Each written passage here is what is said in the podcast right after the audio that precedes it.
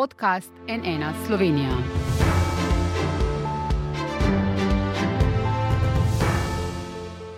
Dobro dan, to je NN studio. Mediji so za demokracijo ključni. Brez svobodnih medijev ni demokracije.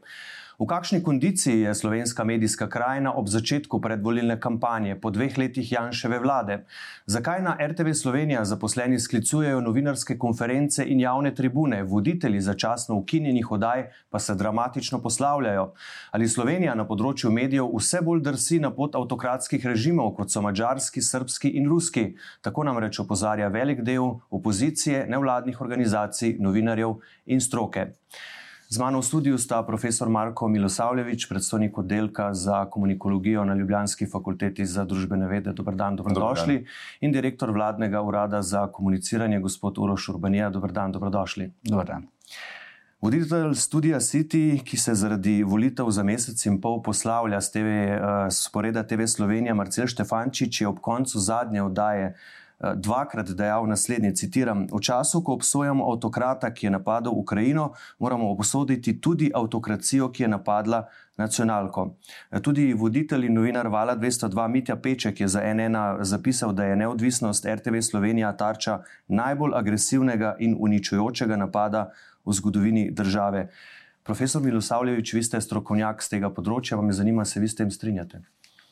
Gotovo, da se strinjam, da je RTV Slovenija trenutno pod napadom.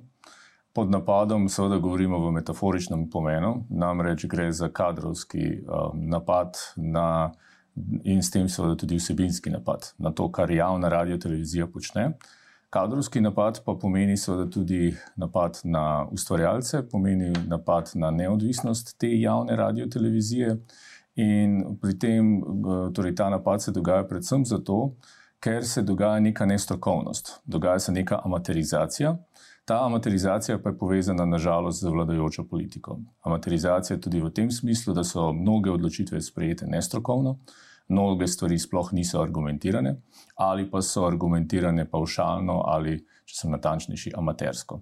In zaradi tega, seveda, se tudi mnogi ustvarjalci Radio Televizije Slovenija, ne govorim zgolj o novinarjih, govorim o ustvarjalcih, upravičeno sprašujejo in so upravičeno zaskrbljeni, ker vidijo, da se dogajajo stvari, ki na nek način profesionalcev ne bi smele na ta način zadevati. Ampak kdo je odgovoren za to? Odgovornost v tem primeru je seveda deljena. Imamo seveda zakon o radio televiziji Slovenija, ki določa, kako je imenovan programski svet. Ta programski svet je imenovan z neko določeno strukturo prek državnega zbora.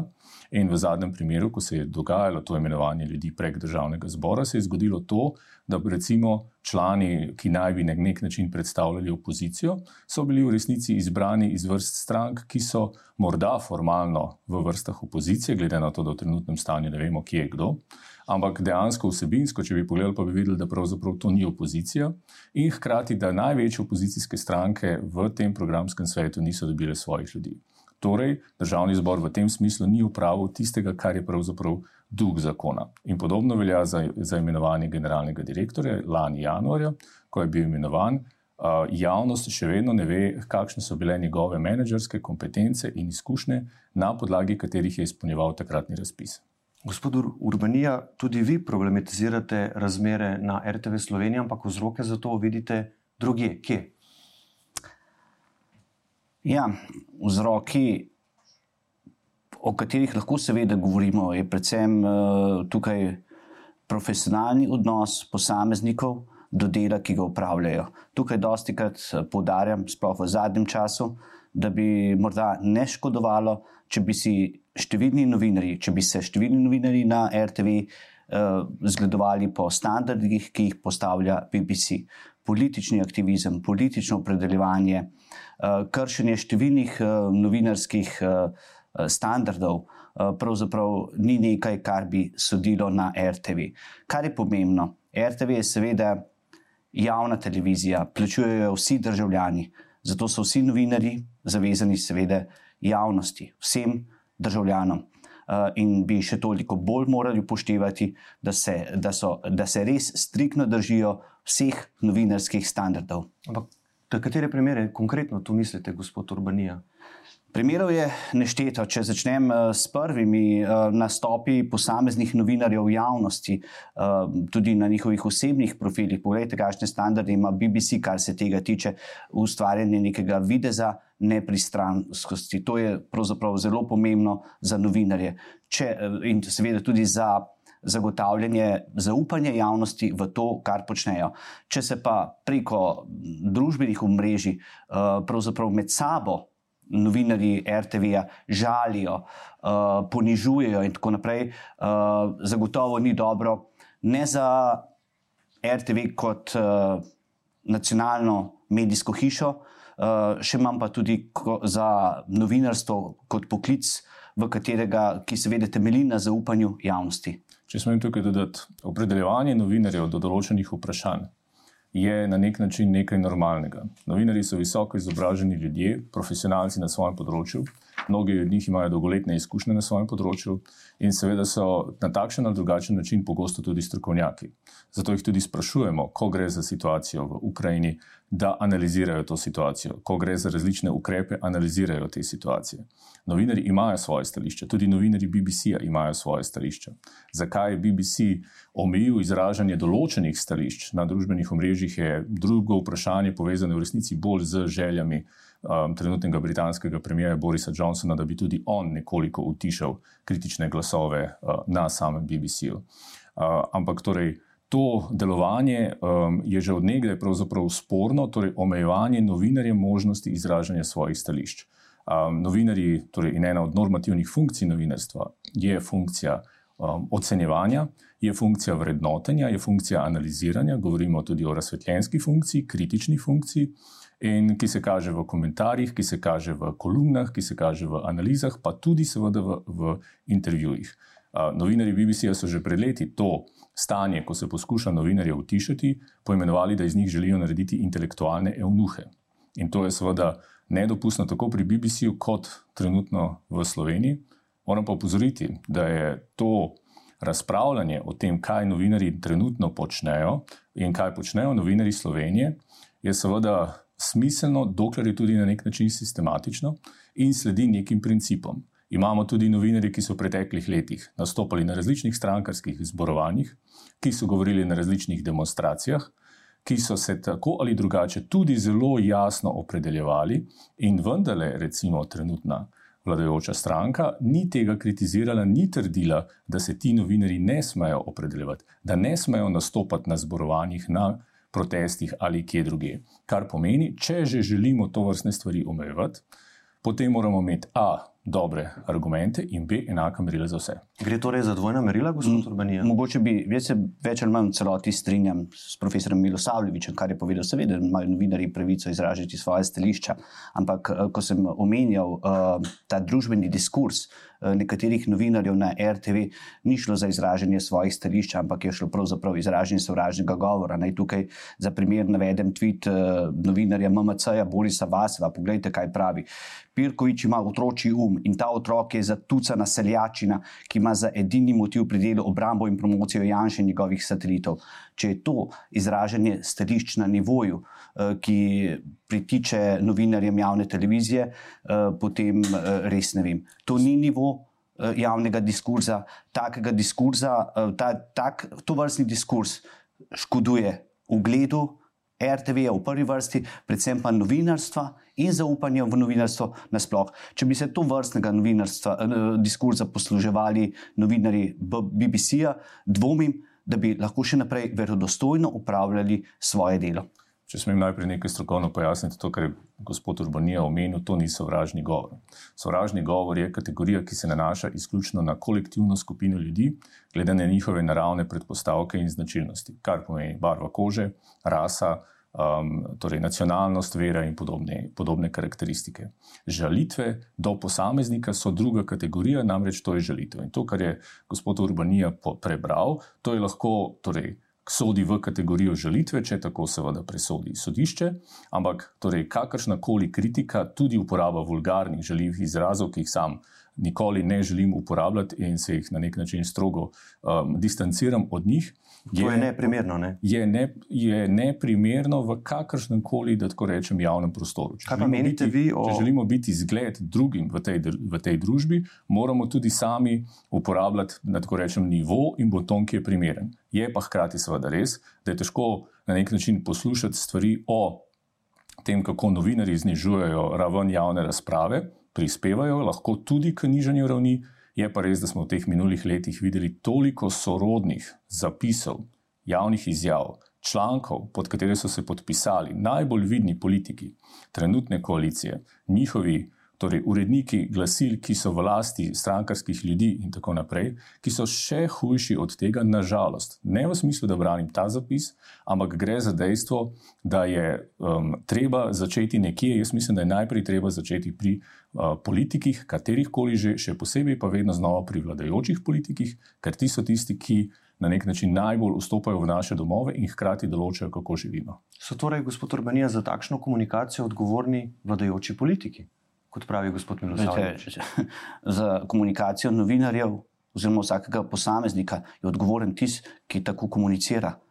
Mislim, da so to polnoletni novinari na RTV-ju in ne morejo prelagati odgovornosti na kogarkoli drugega. To bi bilo malce otroče. Mislim, odgovorno, da je pač izhaja to iz tega, da se nekje pač neke stvari začnejo. Ne? To je še enkrat Miloslavljevič rekel. Komunikacija, ki jo imam jaz ali kdorkoli drug, je moja odgovornost in ne morem se izgovarjati, zato ker nekdo drugi uh, tako komunicira, tudi jaz lahko tako komuniciram. Ne govorim o tem, uh, gotovo, da je to, kot sem rekel, neprimerno za kogarkoli, za katerega koli, to je na nek način um, javno osebnost v kakršnem koli že pogledu, za katero koli odraslo osebnost, če temu tako rečemo. Um, je pa dejstvo, seveda, da stvari so se v teh minulih nekaj letih najprej zaostrile na političnem parketu, najprej so se zaostrile na družbenih omrežjih in profilih določenih politikov, ki so začeli uporabljati izrazoslovje, ki ga v Sloveniji v preteklih 30 letih nismo nikoli videli. Mi tega nismo nikoli slišali ali prebrali izpod prstov ali iz ust Franceta Bučarja, Lojzeta Petrleta ali na vse zadnje Franceta ali Andreja Bajuka ali koga podobnega. In ta nivo se je v tej družbi spustil, danes se vsakodnevno obračunava in obračunava se seveda tudi za novinarji radio televizije Slovenija. Kar je seveda pa druga težava, je, da se na ta način obračunava ne se strani anonimnih trolov za njimi, ampak nažalost se je v tem smislu obračunava, da tako rečem, tudi sistematično z kadrovskimi in vsemi ostalimi posegi v njihovo delo. Pa ste vi kdaj, gospod Urbanija, kot prvi vladni komunikator, če temu tako rečem, ne, ki ste v bistvu tudi odločali, kdo bo, oziroma presojali, kdo bo od ministrov, da nimo šel v kakšno oddajo, kaj komunicirati glede, glede COVID-a, je bil en tak primer, ki je bil odmeven. Ste kdaj dajali morda kakšne smernice visokim vladnim predstavnikom, tudi kar se tiče pač to vrstne komunikacije, da nimo, ki jo omenja profesor Milosavljevic. Ste kdaj kaj, kaj svetovali, dali kakšna priporočila glede te komunikacije? Lejte, kar se tiče uh, interne, zasebne ali osebne komunikacije, če temu tako rečem, preko Twitterja. Še enkrat, vsak je polnoleten, vsak odgovarja za svojo lastno komunikacijo. Tukaj ni stvar um, takšnih ali drugačnih nasvetov. Uh, drugo pa seveda je uh, čisto strokovnih, uh, strokovnih uh, pogledov na komuniciranje ali uh, kaj je potrebno komunicirati znotraj določenih tem, sploh ko je bilo vprašanje glede COVID-a, kako hitro, uh, kaj najprej in tako naprej, kje so podarki. To so pa seveda druge teme. Uh -huh. uh, eno vprašanje. Uh, ko smo že prej odprli imenovanje, ko ste vi odprli imenovanje gospoda Pirkoviča, kaj vi menite o imenovanju gospoda Igorja Pirkoviča na mesto vedi šefa MMC RTV Slovenija? Na nek način nimam osebnega mnenja do gospoda Pirkoviča.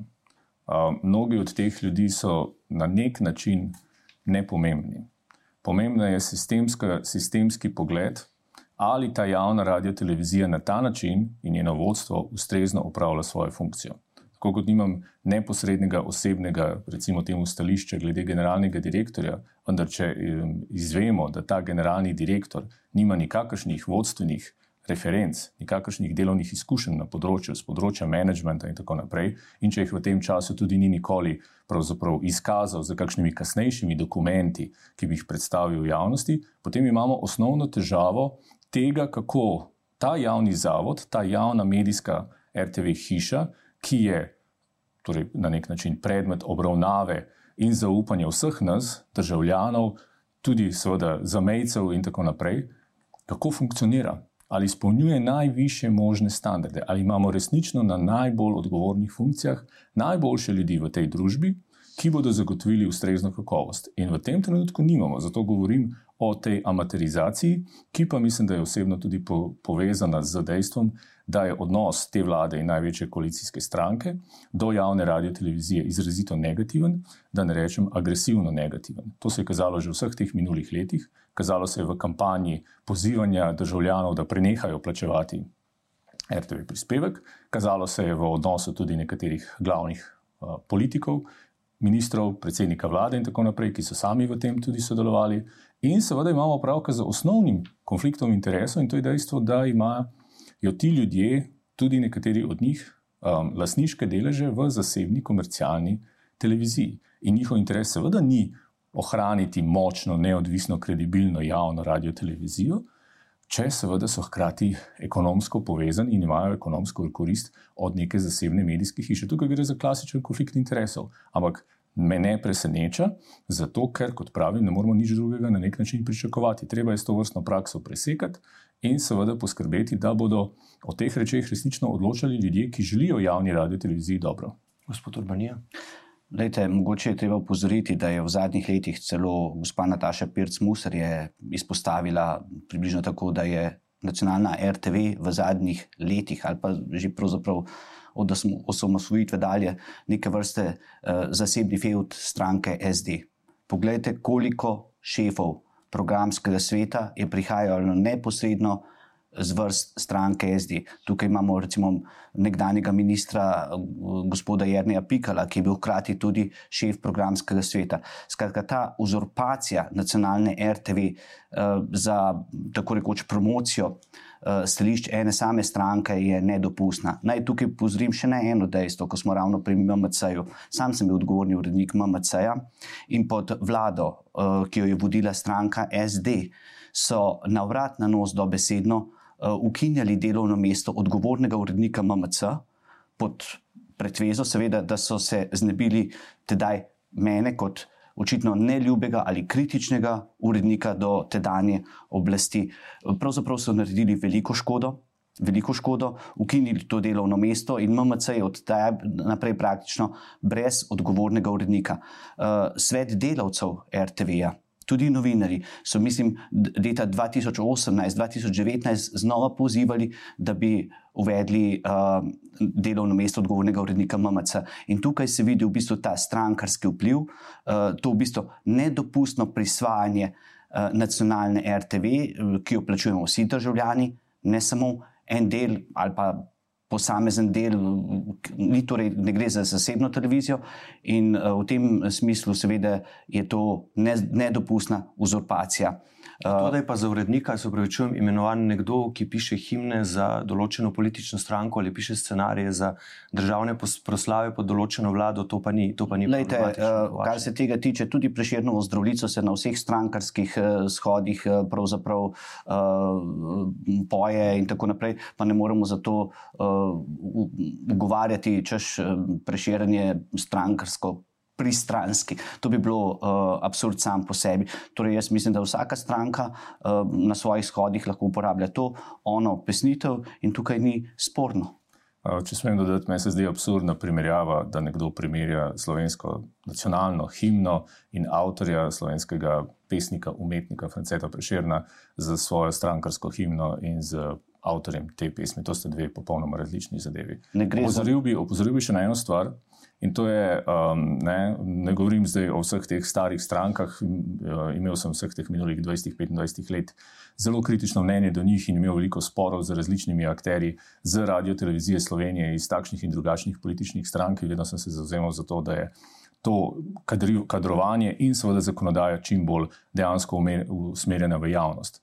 Bi torej, potrjujete, da je tudi že v preteklosti. Bi pa opozoril, da je seveda to seveda poenostavljena slika, Namreč, če pomislimo na generalni direktorje Radio Televizije Slovenija, to so bili ljudje kot so Žarko Petan, to so bili recimo Janez Čadež, to so bili Anton Guze in tako naprej, predsedniki programskega sveta kot so Stane Granda in tako naprej. To je bistveno preveč poenostavljeno reči, da je tam bil zgolj nekdo, ki je bil ali iz SD-ja, pa ne da jih zdaj branim, ker nimam z njimi nobene povezave, ampak hočem reči, stvari so bistveno bolj kompleksne. Je pa res, te stare stranke, da tako rečem, so bile v vseh teh stvarih v teh minulih 30 letih še kako udeležene.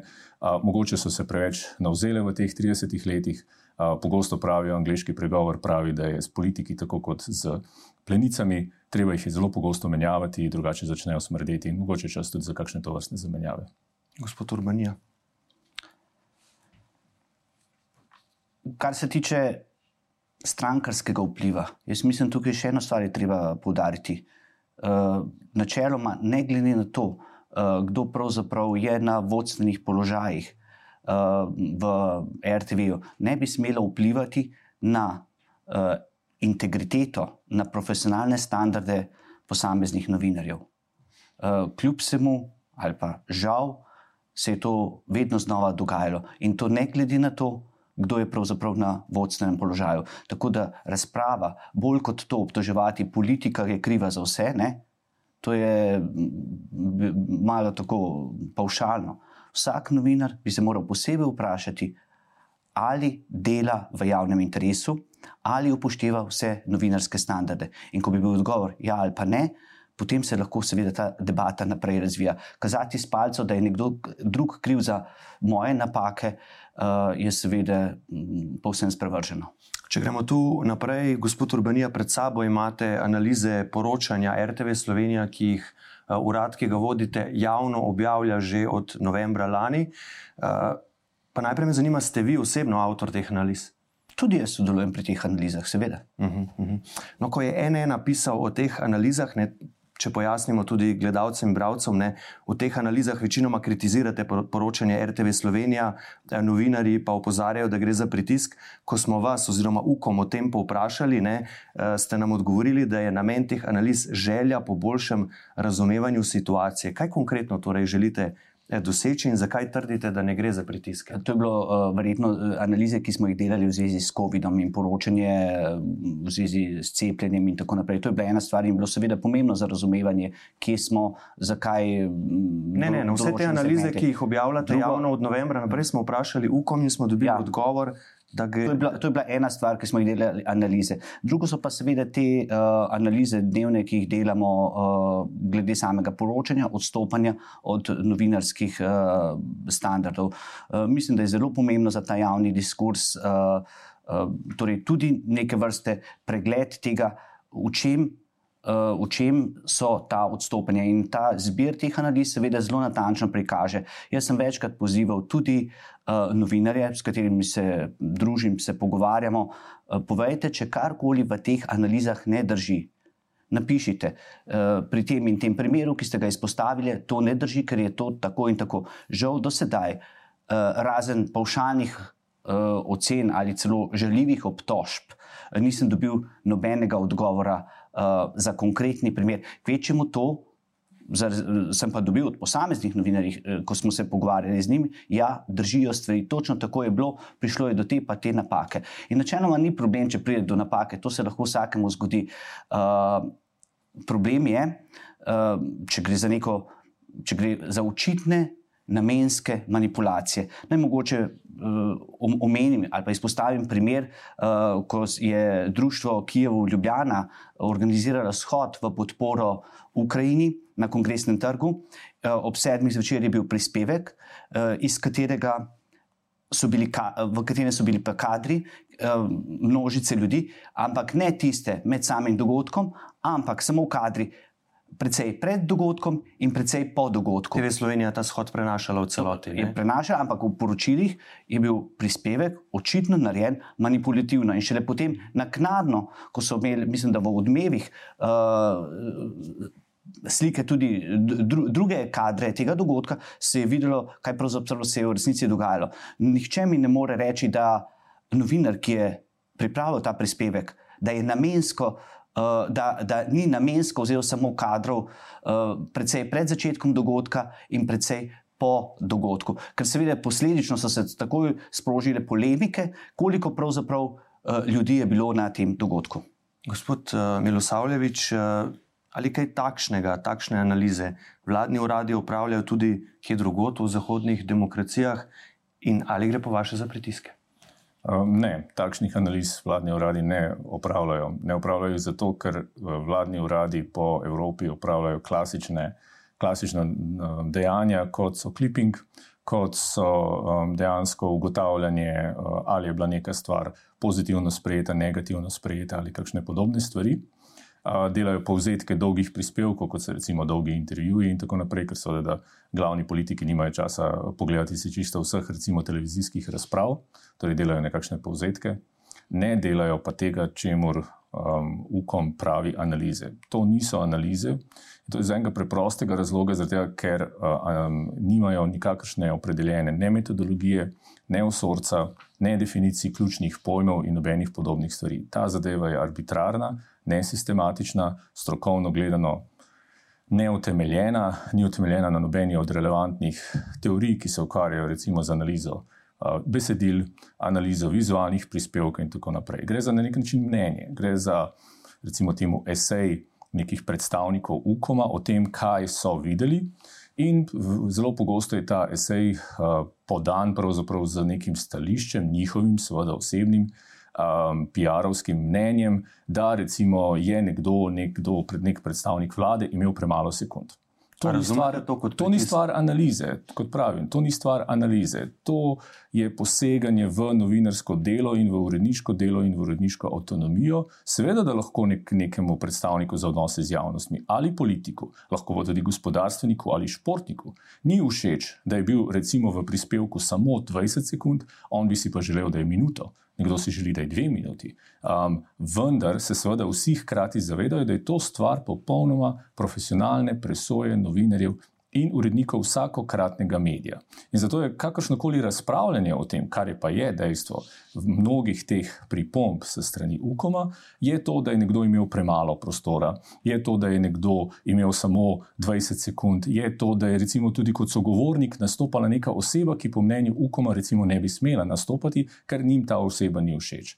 Um, to je seveda popolnoma možno, da nekdo za UKOM-a tako meni ampak to še ni analiza. To je njihovo mnenje, to je mnenje enega vladnega predstavnika, ki mu določene stvari niso všeč, nimajo pa zaradi tega nobene strokovne teže in seveda, ko so izražene na tak način, ko prihajajo se strani seveda vlade kot take, kot institucije, ki ima neke vzvode moči, potem seveda, da predstavljajo obliko pritiska. Če to izraža nek navaden državljan, je to eno. Ko to izraža politik, ki je na oblasti ali njegov urad, potem to predstavlja nek možen pritisk, zato ker se potem pogosto iz teh pripomb tudi nanašajo stvari, kaj bi bilo treba spremeniti, koga bi bilo treba spremeniti ali karkoli že.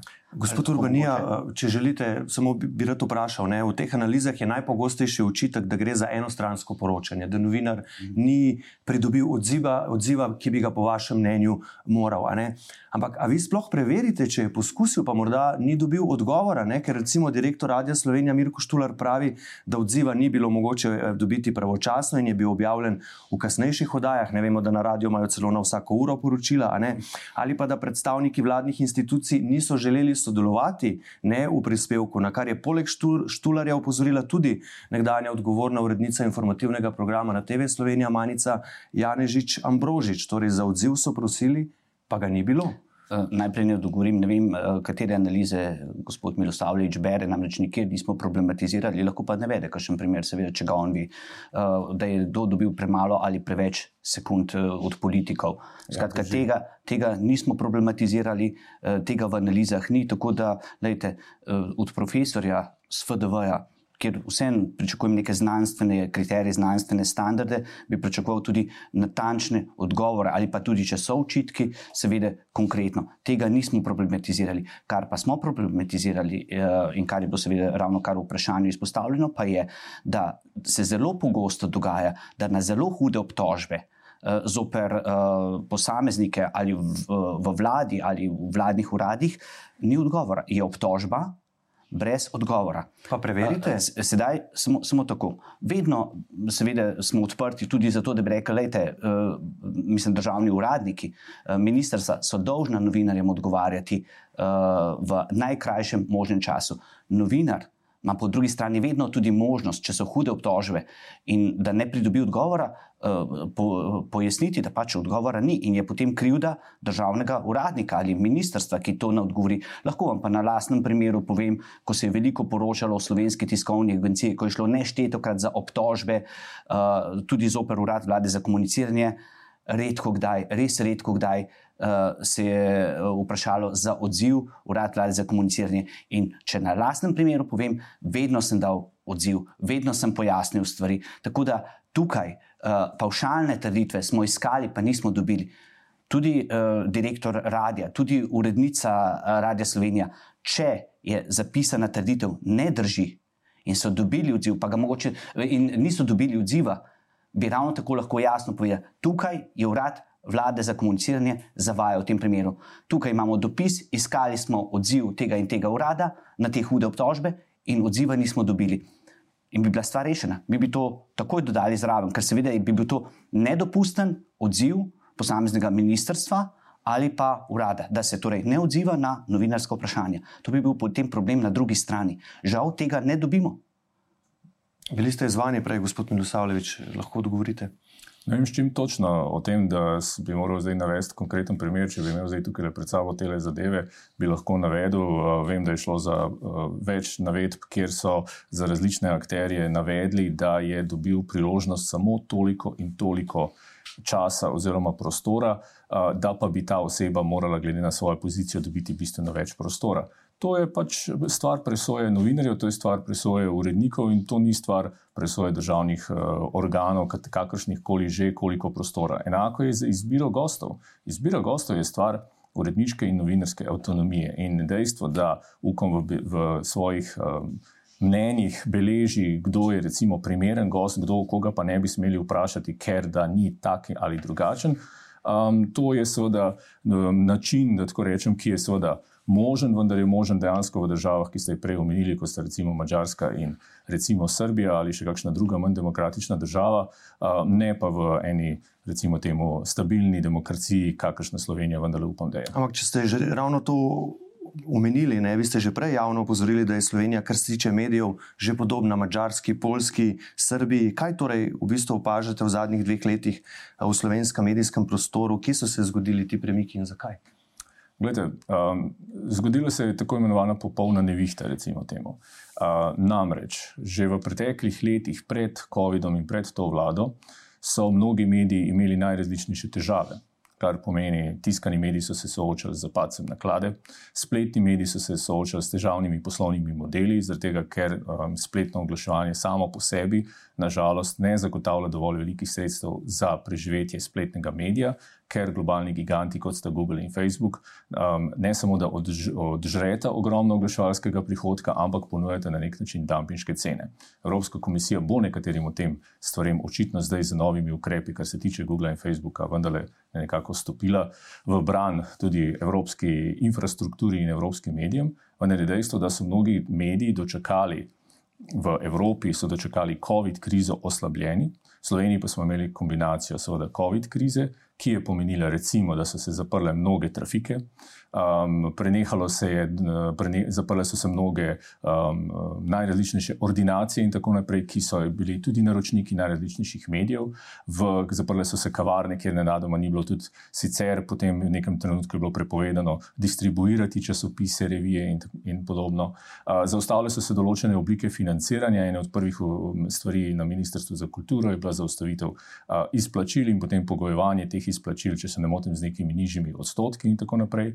Pozitivnih ukrepov za medije pa ni bilo. Mi smo imeli avgusta ali septembra 2020 razpravo pri predsedniku države, kjer je ministr Simoniti na vsak način ustrajal, da ta vlada ne bo sprejela nikakršnih dodatnih pozitivnih ukrepov za medije in za novinarstvo, kot da tega na nek način ne potrebujemo.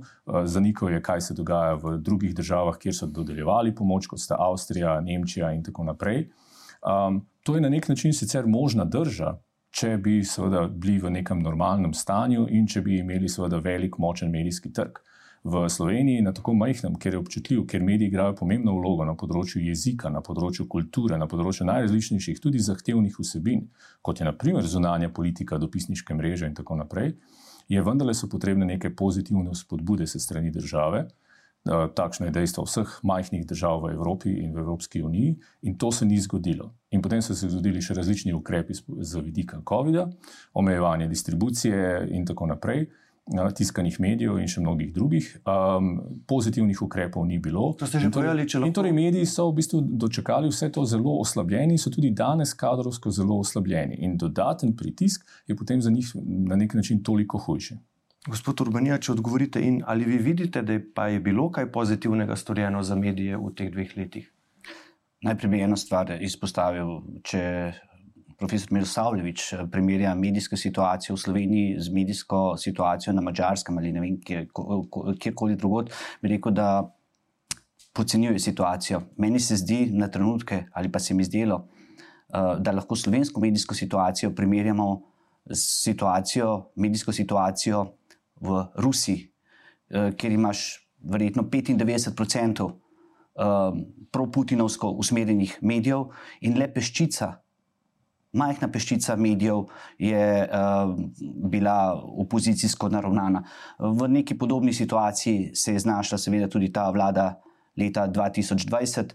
Zgolj ena peščica medijev uh, je bila uh, če temu rečem drugače, uh, usmerjena, odpirala.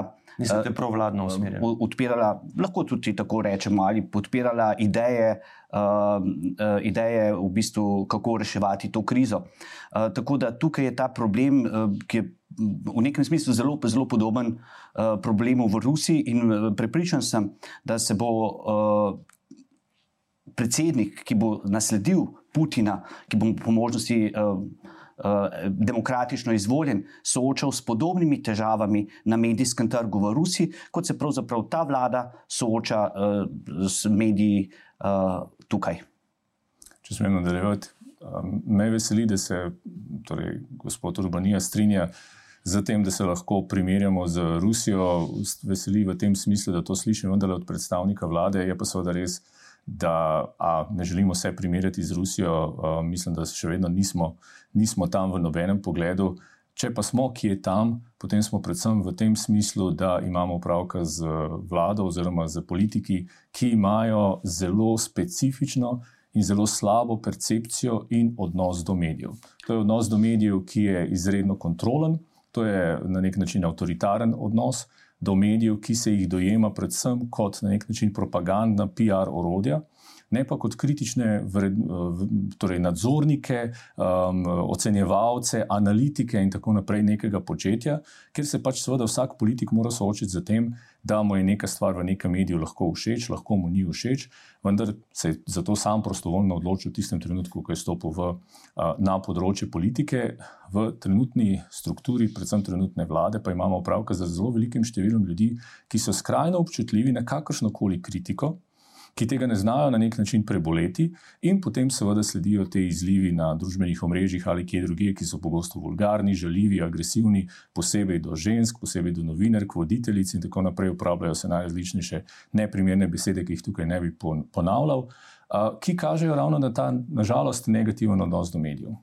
Mislim, da ste ravno obratna situacija. Eh, praktično številne kritike, številni napadi in tako naprej, eh, nekako sami po sebi se zdijo razumljivi. Je pa vprašanje, zakaj na drugi strani kakršna koli eh, komentar kritika na eh, delo novinarjev eh, je pravzaprav že, je, že vzeta kot izjemen pritisk na novinarje, nekaj nedopustnega, dokler eh, ta javna razprava, dokler ni odprta razprava, svoboden govor, ki velja tako za ene kot za druge. Ampak to ne pomeni, se pravi, da je treba pač novinarke označevati z odsluženimi prostitutkami, a ne kot je to sicer predsednik vlade zdaj, ampak takrat je bil v opozicijski vlogi, ampak to nobenemu politiku ne pristoji. Ra, ravno vidite, tudi takrat, koga se je napadalo. Uh, ko je bil uh, sedanji predsednik v opoziciji, se je znova napadalo opozicijsko SDS, ne pa Uh, tako kot seveda zadnjih dveh let, in kar je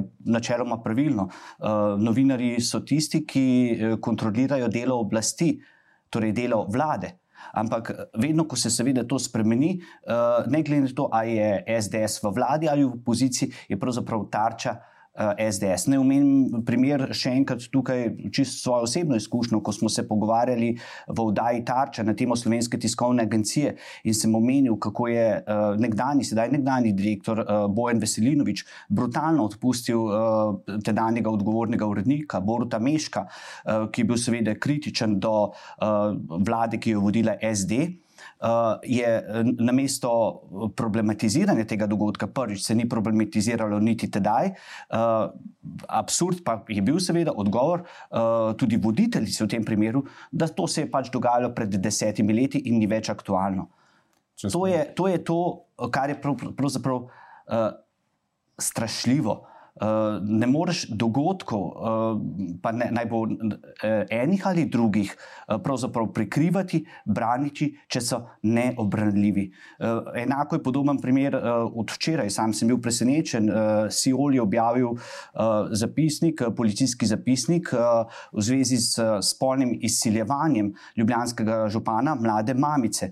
Nekaj strašno zavrženega, nedopustnega. Uh, v normalni situaciji, seveda, tudi ljubljanski župan župan je del oblastne strukture, če smo na tem, uh, ampak eh, presenetljivo nismo tega videli uh, na nobeni pravzaprav uh, glavni televiziji. Gospod Urbanija, to je zgodba iz leta 2017, takrat avgusta je prvi objavil portal pod črto z vsemi podrobnostmi, ki so za. Razvidne tudi iz teh uradnih zaznamkov, seveda, ena takrat še ni obstajala v Sloveniji, ampak vsi mediji, kjer smo bili zaposleni, novinari, ki tu delamo, smo o tem zelo izčrpno poročali.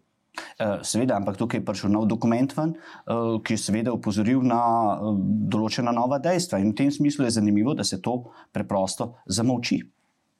Gospod Milosavljevič. Glede, če se vrnem nazaj, noben politik, um, noben vladajoč politik si ne sme privoščiti tega, da komorkoli, uh, katerikoli ženski reče, da je prostitutka, prestitutka ali da je odslužena prostitutka ali karkoli podobnega. Noben si ne sme dovoliti kot si dovolijo mnogi predstavniki te vlade, uporabljati vulgarne, seksistične, rasistične, nacionalistične in tako naprej izraze na račun temnopoltih, na račun žensk, na račun različnih konkretnih žensk. Uh, imamo opravka tudi z tako imenovanim ageizmom, torej diskriminacijo na podlagi starosti. Imamo opravka z pozivanjem k nasilju nad ženskami, kot je bil poziv nekdanjega direktorja Radia Slovenija iz časa uh, prejšnje vlade Eh, SDS, da naj nek TV eh, urednik svojo ženo pahne po stopnicah in tako naprej. To so popolnoma nespremljiva in zavržena dejanja in zavržene izjave. In jaz samo upam, da pač počasi vendarle pridemo do neke spremembe te mentalitete. Jaz verjamem, da pri mnogih, recimo temu tudi starejših ljudeh, starejših politikih je to težko narediti, nekatere stvari se verjetno z leti zaostrujejo, pogledajte Putina. Uh, ampak jaz upam, da se vsaj pri drugih, vsaj mogoče pri mlajših, pri mladih, vzpostavi nek, neka kultura in nek bonton, ki mislim, da bi ga pričakoval pravzaprav v vsaki družini, pa na vse zadnje, če smo tudi pri tem, tudi pri verovku ali kjerkoli že kdorkoli od teh, um, recimo tudi predstavnikov vlade hodi. Gospod Urbanija. Se absolutno strinjam uh, s profesorjem Milosavljevičem. Samo en problem je, od profesorja bi pričakoval malce širši Eh, pogled na celotno zgodbo in uh, enako kritičnost do enih ali drugih neprimernih izjav. Uh, tukaj naj samo izpostavim tudi izjave, o katerih žal profesor Milosavljevič ne govori, ali pa zapiski posameznih novinark multimedijskega centra, da je treba svoje kolege streljati in metati v jame. To so tiste stvari, ki bolijo. Ne ena izjava, ne druga nista primerni, sta zavrženi in seveda uh, bi uh, pričakoval obsodbo enega in drugega. Prav uh, v zvezi s tem, seveda, tudi izpostavljam še enkrat, ne more se braniti ljubljanskega župana Jankoviča. Z izgovori tudi, da ja, je ta afera bila prvič objavljena tri leta nazaj ali pa štiri leta nazaj. Ne gre za skrajno zavržna dejanja. To, to se pričakuje in distanca od tega. Kdor se ne distancira od tega, uh, v bistvu na nek način podpira ta dejanja. Če gremo naprej, če, če smem samo nekaj dodati. Zelo na kratko. Nobene relativizacije ni. Kadarkoli so me novinari za kakšne stvari vprašali, sem vedno podal jasno mnenje, ki je bilo principijelno, ne glede na politično opcijo.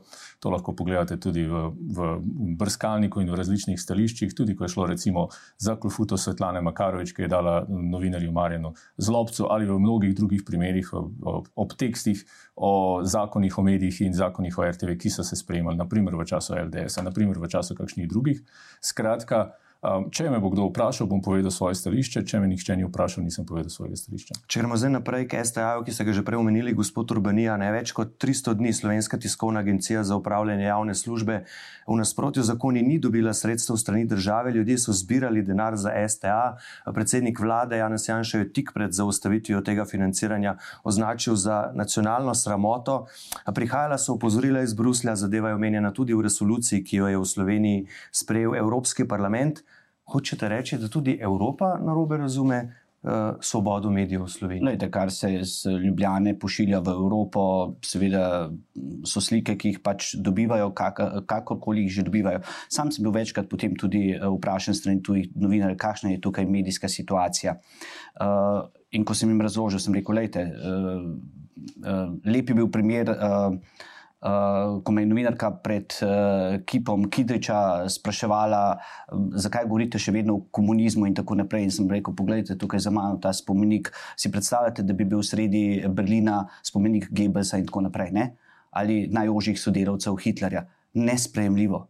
In zato imamo seveda še vedno uh, probleme, kot jo imamo. Ko govorite o slovenski tiskovni agenciji, uh, govorili ste, umenili ste izraz nezakonito. Nisem rekel nezakonito, rekel sem v nasprotju z zakoni. PKP-7 je jasen. Nikakor, nikakor. PKP-7 je jasen, ne uh, določa, da ne glede na to, ali je sklenjena pogodba, je vlada dolžna financirati slovensko tiskovno agencijo. To je v Lejte, sprejetem amandmaju ja. in veljavnem zakonu PKP-7. Vse to se je pravzaprav tudi uredilo, samo uh -huh. uh, več stvari je bilo. Najprej je direktor Veselinovič, se, če začnemo tiste prve zadeve, ko je bila še sklenjena pogodba, je evidentno kršil pogodbo ne more katerikoli državni uradnik plačevati katerega koli podjetja ali projekta, uh, brez da bi bile finance transparentne. Spomnite se, skoraj šest mesecev je trajalo, da je uh, direktor, tedajni direktor Veselinovič posredoval finančno dokumentacijo. To je osnova kakršnega koli eh, teh, eh, te,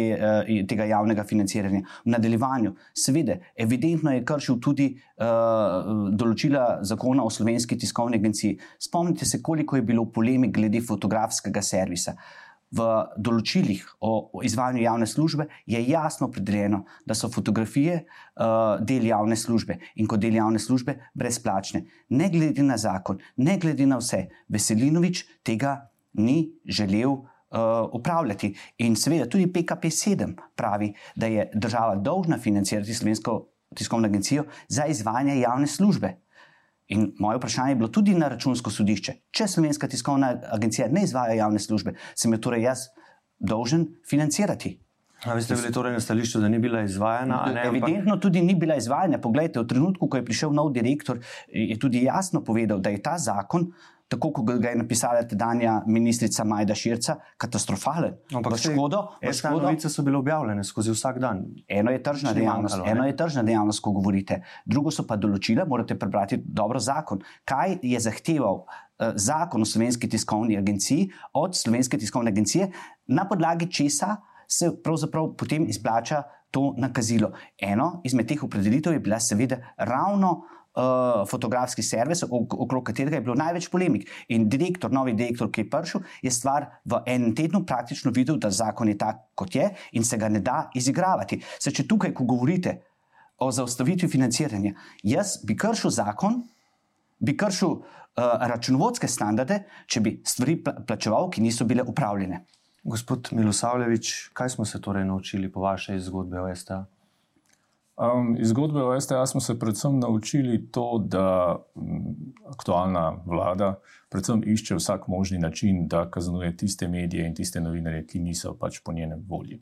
To velja za STA, to velja za določena uredništva in ljudi na radio televiziji Slovenija, to velja seveda za mnoge medije, ki se vedno znova znajdejo na tnalu takšnih in drugačnih uh, izjav, tweetov in tako naprej. Jaz pravzaprav ne vem, ali obstaja v Sloveniji kakšen medij, z izjemo tistih, ki so vlasti vladnih strank, ki ne bi bil tako ali drugače zelo vulgarno in zelo agresivno obsojen oziroma obtožen, pravilne um, najrazličnejših, bodi si zarod, bodi si nekega takšnega in drugačnega ozadja, um, kot pravim, no, njihovi novinari, uredniki, voditelji in, in, in podobno. To je nekaj, česar v tem prostoru ne pomnimo. To se ni zgodilo nikoli v teh minulih 30 letih. Stvari so v tem smislu ušle izpod nadzora oziroma izpod uh, stran od nekega normalnega, sprejemljivega evropskega diskurza. Uh, in pač treba se enostavno navaditi, politiki se morajo tudi navaditi, da sprejmejo medije in novinarstvo kot kritično vejo, panogo, ki ima svojo avtonomijo, ki ima svojo, svojo tudi odgovornost in ki ima hkrati svojo vlogo v družbi, ki je izredno odgovorna in hkrati je recimo tudi v času COVID-a izredno pomagala. Mediji so odigrali tukaj v blazno težkih pogojih zelo pozitivno vlogo. Um, v nasplošno pa so seveda zelo pozitivni in pomembni za demokracijo. In če želimo imeti demokracijo, potem moramo imeti neodvisne kritične medije, moramo imeti neodvisno STA in moramo imeti neodvisno kritično radio televizijo z različnimi pogledi, ne pa z nekakšnim monolitnim strankarskim pogledom. Spoštovana gosta, v sklepni del gremo, gospod Urbanija. Mnogi opozarjajo, da je vladni Twitter profil zlorabljen v strankarske namene. Tu bomo zdaj videli in tudi gledalci in bravci dva primera, ne, ko je Janez Janša govoril o zadevah SDS, torej stranke, ne, izjavo pa je objavil vladnim, vladni profil, s katerim upravlja UKOM, ki ga vodite vi. Vam se ne zdi, da gre v tem primeru za zlorabo, kot prihajajo določene opozorila? Ko ravno ta tweet eh, objavljate, se nezaupnice parlament ne more izglasovati SDS-u, lahko pa izglasuje vladi. Ampak vidi, zdaj boste videli še drugi primer. Del uh, čisto uh, normalno, da vladni profil vse to objavlja. Gre pa, da se v zadnjih dveh mesecih v stranko SDS vključilo skoraj 2000 novih članov. Kakšno pa ima to povezavo z tem? Niste prebrali začetka, govori o novem mandatu in tako naprej. Ampak kaj hočem povedati? Eno stvar je transparentno delo. Uh, torej, ne prikrivati informacij, kakršnih koli. Stališče predsednika vlade, uh, izjava ta ali ona, uh, ki bi se jo tako ali drugače prikrivalo, uh, ne sodi v demokratične sisteme. Zato je tudi moje stališče, tako kot sem prej rekel, uh, pričakujem od vseh uh, PR služb vlade, da uh, v najhitrejšem možnem času odgovarjajo novinarjem, po drugi strani pa tudi od služb na UKOM-u, da seveda objavljajo stvari čim bolj transparentno, hitro in eh, javno, torej od, vseh, od vsega, kar pravzaprav dela vlada, kar govorijo vladni predstavniki. Uh, in uh, to je to, kar pravzaprav bi morali, po mojem oceni, tudi novinari pozdraviti, da dobite. Čim več informacij, ne pa da informacije iščete, da se jih prikriva, ali pa da jih sploh ni. Gospod Milosavljevič, se je kaj takega z uradnimi komunikacijskimi kanali vlade v preteklosti že dogajalo? Tem trenutku se ne spomnim, je pa res, da je seveda Twitter relativno novo komunikacijsko sredstvo in zato je pravzaprav bolj bilo prisotno v teh zadnjih nekaj letih. Načeloma, seveda, da veljajo tukaj jasni principi, tudi v tujini, profesionalni standardi so jasni, te stvari je seveda potrebno ločevati. Ko gre za vladne stvari, to je ena stvar, ko gre za strankarske stvari, je to druga stvar. Ta vlada ni ta stranka. Tudi če smo pri tem, seveda je jasno, ta vlada je koalicija večjih strank. Ne vem, kako se kdaj počutijo, kakšne od koalicijskih strank. Ampak vsekakor je za državljane, je seveda jasno, živimo v demokraciji in mislim, da imajo vladajoči politiki takšne in drugačne možnosti in dovolj kanalov, kjer lahko sporočijo svoje stališče glede svoje stranke. To je demokratična družba, lahko to sporočajo, seveda pa, če neka stvar ni povezana z neko institucijo, tja ne sodi.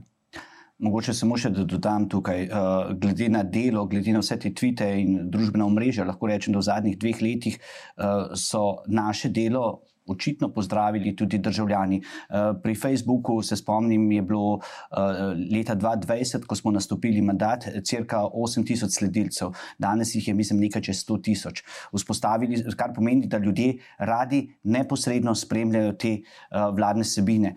Na Viber. Reševali jih niste? Na bili kaj sponzoriranih objav, da ste na ta način pridobivali nove? V, lejte, v času COVID-a, seveda, tiste ključne informacije, ki so bile, so bile tudi sponzorirane. Saj je bilo vsem v interesu, eh, da dobijo eh, državljani čim boljše informacije, kako se zaščititi. Eh, ravno ko smo pri tem, naj omenim tudi mogoče Viber, družbeno omrežje, kjer smo vzpostavili novo skupnost prav na temo COVID-a. Uh, kjer uh, državljani lahko dobijo neposredno na dnevni ravni, so dobili najpomembnejše informacije tistega dne. In uh, ta uh, skupnost ima, mislim, 120 tisoč članov, kar, je, kar so uh, relativno visoke številke. In vse to kaže očitno, da smo delali dobro. Jaz, če smem, bi vendarle tole nekoliko drugače interpretiral. Mislim, da je neprimerno, da si nekako predstavljajo uh, vladni predstavniki, da je to na nek način zasluga, zasluga vlade. Bili smo dve leti v izrednih razmerah. Ko iz dneva v dan, iz ure v uro, državljani niso vedeli, kaj se dogaja in kaj se bo zgodilo čez kako uro, kakšni so sklepi, recimo, kaj bo jutri veljalo, kaj bo zvečer veljalo, in tako naprej. In potreba po informacijah je bila zelo velika pri nas in v tujini. In seveda, popolnoma logično, razumljivo je, da so ljudje sledili takšnim in drugačnim oblikam komuniciranja, ali je to na Facebooku ali na Twitterju. Logično, potrebe ljudi v tem smislu so bile seveda čisto drugačne. Kot pa v nekem normalnem stanju, zato je tudi, seveda, so te številke, predvsem posledica tega. Ne, veste, porast eh, nekih obiskov na družbenih omrežjih je v tem času logičen, in um, če bom še slišal argument, da je recimo ta vlada zabeležila blazno velik uh, porast uh, obiska na njihovem TikTok profilu v zadnjih dveh letih, bom seveda tudi zelo skeptičen, glede na to, da vemo, kdaj je TikTok nastal. Pa ste pa najbrž priznali, ne, gospod Urbanija, da smo tudi mediji v času epidemije opravili veliko vlogo, redno in ažurno ljudi informirali o vseh ukrepih, ki jih je vlada sprejemala. Seveda, če smo imeli informacije, ne glede na to, da je predsednik vlade, da nimo na začetku mandata napovedal vojno pravzaprav slovenskim medijem. Tu pa smo vendarle odigrali neko pomembno vlogo. Mogoče ste to besedo vojno napačno raz, razumeli. Gre za boj za svobodne medije. To je ključna zgodba, bila tudi sporočila, ki ga je pravzaprav no, tedaj zapisal. Uporabuje pa besedo vojna, ne? zato pravim. A uporabite en ali drug termin, je pravzaprav stvar čisto osebnega okusa, ampak da bo stvar jasna. Uh, je potrebno to poudariti. Torej, treba se je boriti za pluralne medije, za svobodne medije, kjer ne bo prevladovala ena politična opcija, kjer ne bo tako, kot sem že omenil. Uh, da se zdi na trenutke situacija zelo podobna, uh, oziroma leta 2020 se je zdela situacija zelo podobna situaciji v Rusiji, ker imaš nekaj peščic opozicijskih uh, medijev, pravzaprav čist eh, nepomembnih in 95-96 odstotkov. Uh, Medijev, ki zastopajo pravzaprav stališča uh, levih, uh, levih strank. Um, to stališče predsednika vlade in ta zapis sam dojemam drugače, seveda to je vojna proti medijem. To potrjuje tudi druge izjave in predhodni zapisi um, in predhodni govori.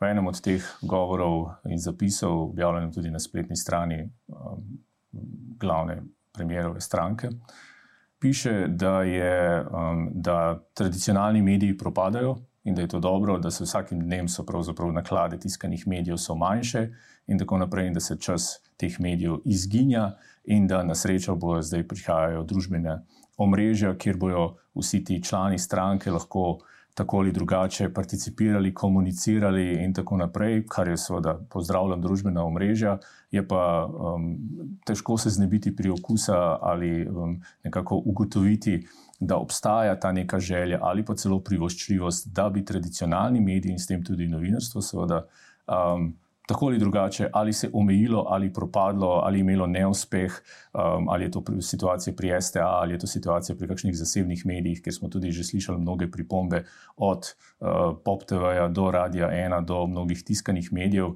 Nekako se zdi, da je dejansko gre za vojno proti medijem, uh, kjer se pravzaprav želi um, skrčiti njihovo moč, ne pa ne samo moč, tudi njihovo vlogo v družbi, ki bi bila manj demokratična na ta račun. Še zadnji komentar in potem če bom tako rekel. Tudi naslednik Putina, če bo demokratično izvoljen, se bo moral boriti proti nedemokratičnim strukturam v obstoječih ruskih medijih. Spoštovana gosta, najlepša hvala, gospod Urbanija, gospod Milosavljevič, da sta prišla na NN. Hvala lepa. Hvala vam. Hvala pa tudi vam za vašo pozornost. Seveda, kot smo imeli mediji pomembno vlogo v času epidemije, bomo imeli zelo pomembno tudi v času predvolilne kampanje, ki se je, kot veste, začela z današnjim dnem in bo trajala do volilnega molka, torej do petka zvečer pred volitvami, ki bodo v nedeljo 24. aprila. Zato nas spremljajte. Imamo tudi posebno volilno stran na nnainfo.si. Obiščite jo čim prej iz studija, pa lep pozdrav in nasvidenje.